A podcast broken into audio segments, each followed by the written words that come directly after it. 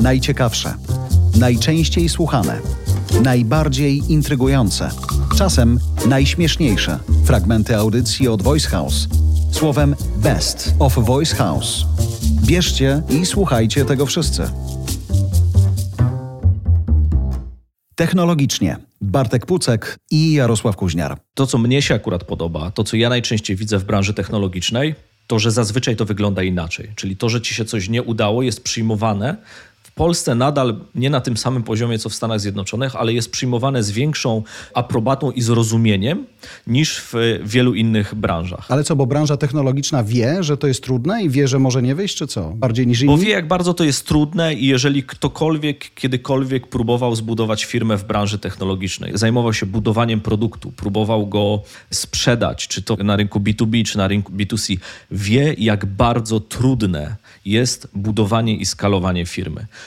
To jest okropnie ciężkie zadanie. To, co widzisz zazwyczaj w nagłówkach, w popularnych serwisach technologicznych, we wszystkich udanych kampaniach, to jest wierzchołek góry lodowej, ponieważ na każdą fantastyczną i udaną kampanię są tysiące czy dziesiątki tysięcy nieudanych kampanii czy firm, którym się nie udało. Tak? Ale na koniec dnia pytanie jest takie, co z tym robisz? Czy to cię budowanie, czy też czy ta porażka cię zdefiniowała, kiedy próbowałeś budować tą firmę, czy jednak nie? Bo bez względu na to, czy twoja firma się rozwija, czy nie, jeżeli jesteś jej właścicielem, to dobrze by było, żebyś ty był właścicielem firmy, a nie firma twoim właścicielem. Nawet jeżeli jesteś CEO tej firmy. Ponieważ to, czego większość osób nie widzi w całym tym spektrum, jest fakt, że founderzy i founderki firm, osoby, które tworzą te firmy, tworzą te produkty, mogą być równie dobrze niewolnikami swoich własnych firm. Tak? I chodzi o to głównie, żebyś budował tą firmę, budował te swoje produkty w taki sposób, który jest zgodny z Twoim ja.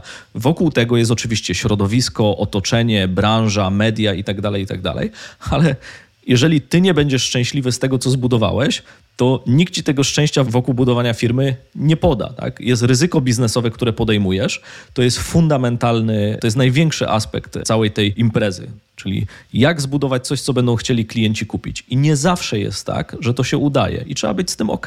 Z drugiej strony, wracając do minimalizmu w budowaniu firm, projektów, pomysłów, ale biznesu, może tak, czyli byciu minimalistycznym przedsiębiorcą. Czy to jest tak, że ten minimalizm pozwala też, żeby upadek, niepowodzenie mniej bolało? Czy to w ogóle, jak jesteśmy wysoko, no to wiadomo, że upadek boli. Jak sobie tą górkę zbudujemy mniejszą, no to dupa będzie mniej bolała. No. Pytanie też, jakiego rodzaju to jest górka, bo możesz zbudować fajną firmę, w których pracujesz z dziesięcioma osobami i zżyliście się, tworzycie fantastyczny zespół, a biznes wam nie poszedł. I prawdopodobnie ten upadek będzie bolał albo może boleć bardziej, niż gdybyś był właścicielem stuosobowej firmy, gdzie relacje na przykład niekoniecznie są głębokie, albo gdzie przywiązanie na przykład zespołu czy pracowników do tego, co tworzycie jako organizacja, nie jest tak samo silne jak w przypadku mniejszego zespołu. Dzisiaj jest z jednej strony o tyle łatwiej, że jesteś w stanie w miarę szybko zwalidować to, czy twoi klienci będą chcieli kupować twój produkt. Możesz w łatwiejszy sposób mieć dostęp do talentu ze względu na przykład na pracę zdalną, ze względu na narzędzie, które dzisiaj są dostępne. Możesz też, jest większa akceptacja też wokół na przykład dzielenia się twoimi historiami, wokół zmagań związanych zarówno z sukcesem, edukacją, czy tworzeniem twoich produktów z twoimi klientami. Dzisiaj jest większa otwartość też klientów, albo nawet oczekiwanie klientów, że w ramach tej społeczności która jest skupiona wokół Twojego produktu, będziesz w stanie z nimi dzielić się nie tylko tym, co jest wspaniałe, czyli tej części PR-owej otoczki, ale też właśnie z wyzwaniami. Tylko tu jest dużo zaufania.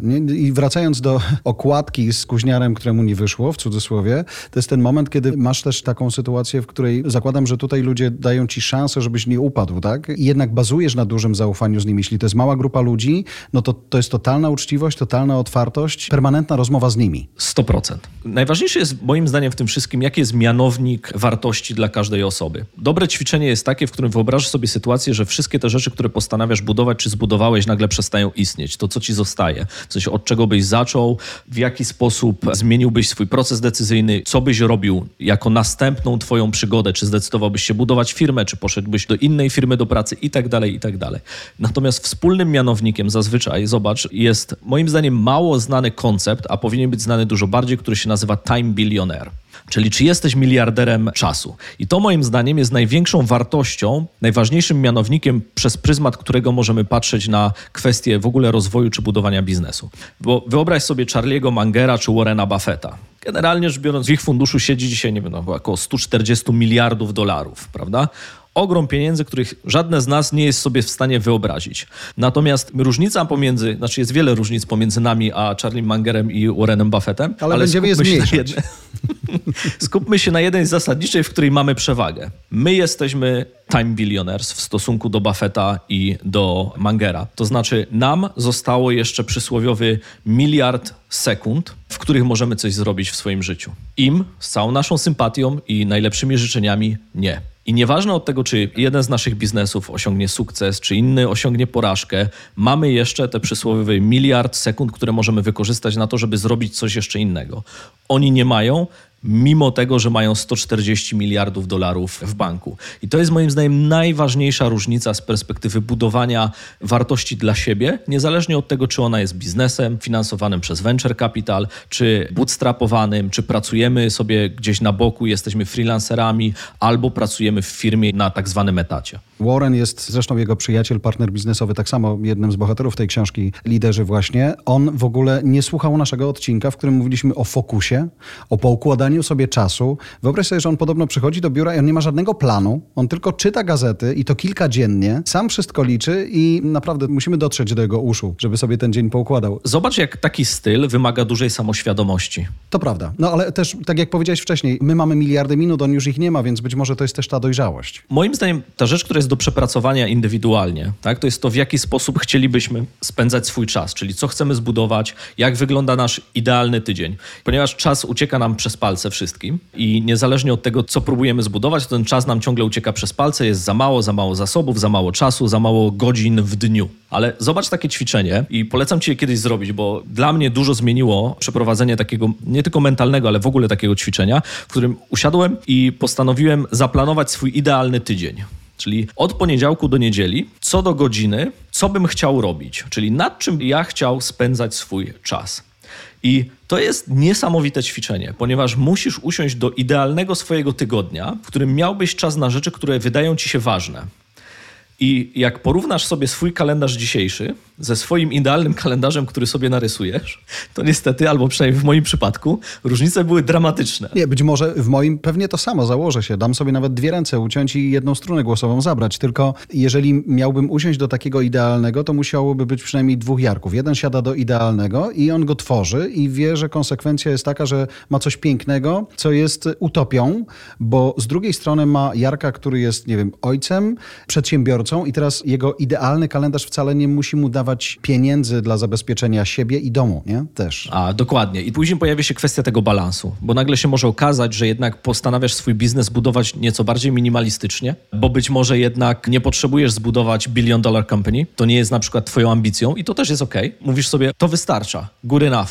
Dziesięcioosobowa czy pięcioosobowa firma, która sprzedaje ciekawy produkt z fajną marżą, która być może nie będzie firmą miliardową, ale będzie firmą, która będzie przynosiła satysfakcjonujące pieniądze, dzięki któremu będę mógł spędzać więcej czasu na innych rzeczach. English Pro. Olga Pietrykiewicz. W bardzo prosty sposób rozprawimy się z tym importantyzmem, jak ja to mówię. Z Jarkiem proponujemy Państwu przede wszystkim frazy przysłówkowo-przymiotnikowe, formalne zwroty biznesowe oraz oczywiście nasze ukochane idiomy w English Pro.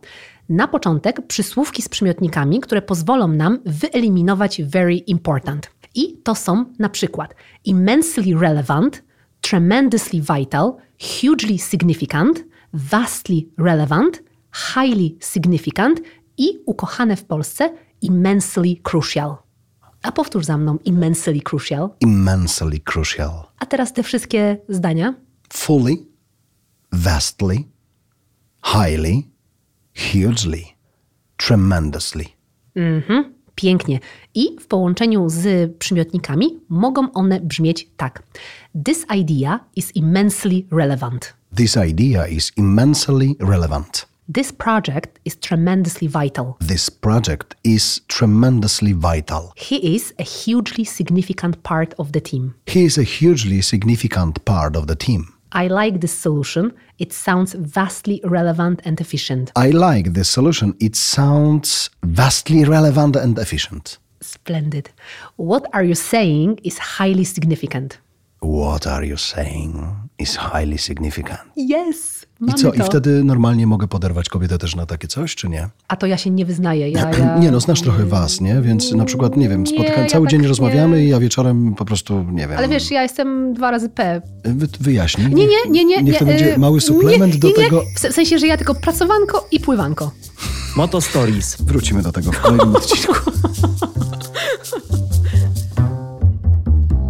Kacper Majdan Podcast. A jaki największy koncert zagrałeś? Ojoj, powiem ci, że Tak plus minus. 40-50 tysięcy ludzi. No właśnie, to już jest dość sporo. Ja pamię- już nie pamiętam właściwie, który to artysta powiedział, no ale jeden z tych naszych rock'n'rollowych gwiazd, które jeszcze o dziwo żyją, powiedział coś takiego, że jak kończysz swój koncert na Madison Square Garden, to O. nie da się rozładować energii grając w ping-ponga. I zastanawiam się, jak dzisiaj ty rozładowujesz tą adrenalinę, no bo jednak jak grasz dla kilkudziesięciu tysięcy ludzi, no to na pewno się gotuje. Miałem też taki duży przestrzał, bo grałem i po małych klubach stuosobowych i po wielkich halach jak Torwar.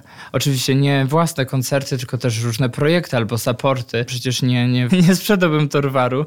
Mam też dużą świadomość tego, na ile sobie mogę pozwolić, ale też świadomość moich błędów i, i tego, w jakim jestem miejscu. Więc to nie jest tak, że ja teraz przychodzę z pretensjami do wytwórni i mówię, dlaczego nie sprzedałem stodoły? Bo nie każdy aktor po szkole teatralnej od razu gra na deskach Teatru Narodowego. To jest bardzo długi proces, żeby przekonać do siebie publiczność, ale później, żeby ją też utrzymać u swojego boku, bo jest ogromna konkurencja w naszej branży. Ale jak sobie radzę, właśnie, bo tak naokoło odpowiedziałem, no na pewno duże problemy ze snem, bo to jest taka emocja, Że tego, tego nie rozładujesz po prostu. no po prostu melatoninka i, i ziółka na sen, bo to są takie emocje, że naprawdę czasami nie możesz zasnąć, a wyobraź sobie, że na drugi dzień masz pełną gotowość od 8 rano, znowu napięty grafik i wtedy jesteś po prostu jak zwłoki. To są emocje, które potrafią przysporzyć sporo problemów, bo nagle zaczynasz robić rzeczy, bo idziesz na miasto, bo szukasz tych wrażeń, żeby było ich jeszcze więcej, paradoksalnie. Sam zresztą pamiętam, nie będę się porównywał, broń Boże, ale jak byłem DJ-em i zagrałem imprezę chyba dla ponad tysiąca ludzi w klubie, to moje emocje wtedy również były takie, no dość, które mnie nosiły, o w ten sposób Tak, to powiem. nosi na, bardzo. nagle jesteś Bogiem, nagle nie potrzebujesz spać, nagle chcesz wszystko, nagle widzisz wszystko trzy razy bardziej kolorowo i wiem, że to ostatecznie może trochę w ślepą uliczkę doprowadzić. Dlatego trzeba mieć wokół siebie mądrych ludzi i fajnie przejść. e, Nie chcę tutaj mędrkować ani być wujkiem dobra rada, ale mi się to nie przytrafiło z dnia na dzień. Nie wziąłem się znikąd, poszedłem do programu i na drugi dzień stałem się gwiazdą. Tylko ja naprawdę przyjechałem wszystkie małe sceny, kiełbaski na grillu, baloniki, scenerie teraz mi się tworzą przed oczyma. A ja E, czuję zapach grilla w powietrzu. no ja już nie jem mięsa, więc czuję tylko grillowaną cukinię. E, Ale faktycznie powiem ci, że, że to jest bardzo ważne doświadczenie, żeby to wszystko szło schodkami do góry. Jeżeli masz takie duże boom na początku i od razu team menadżerów, ludzi wokół, doradców, no to to jest bardzo, zresztą to widać na tysiącach przypadków, że ci ludzie nie dają rady sobie z tą presją, bo nie wiedzą jak wygląda walka o coś, tylko mają to wszystko podane No to jest taka metafora trochę jak z ludźmi, którzy wygrywają nagle na loterii kilkadziesiąt milionów, po kilku latach lądują na ulicy, bo nie potrafią sobie z tym kompletnie poradzić. Ale wspominałeś o tym, że właśnie nie wziąłeś się znikąd, byłeś w programie typu talent show, a później powiedziałeś, że ponownie, jakbyś mógł cofnąć czas, to byś się nie zdecydował na taki udział. To mnie zszokowało, szczerze mówiąc. Dlaczego? Wiesz, to też zależy w jakim kontekście odpowiedziałam na to pytanie, bo setki razy rozmawiałem z różnymi ludźmi na temat talent show i ja to doceniam i faktycznie to mi otworzyło wiele drzwi. Poznałem dzięki temu cudownych ludzi i to był taki mocny start w karierze, ale dzisiaj będąc w takim wieku i z takimi możliwościami, które daje przemysł muzyczny, no to nie, nie rywalizowałbym i nie chciałbym brać udziału w tak wyczerpującym formacie. Pewnie wolałbym pójść sobie taką drogą z autorską muzyką, wiesz, jakieś ofowe koncerty. To były najciekawsze, najczęściej słuchane, najbardziej intrygujące, a czasem najśmieszniejsze fragmenty audycji od Voice House. Best of Voice House. Dziękuję za Twoją uwagę. Oceń te nasze rozmowy. Twoja opinia zostawiona na Apple Podcast pod każdą audycją pozwala usłyszeć je większej grupie ludzi. Napisz kilka słów i zostaw pięć gwiazdek. To pomaga nam się rozwijać. Jeżeli masz pytanie, nagraj je na telefon i wyślij do nas. Wykorzystamy w kolejnym podcaście. Zasubskrybuj także inne podcasty od Voice House. Znajdziesz je na każdej platformie podcastowej, w każdym kanale social mediowym. Zapraszam też na stronę Voice House po więcej dobrej treści.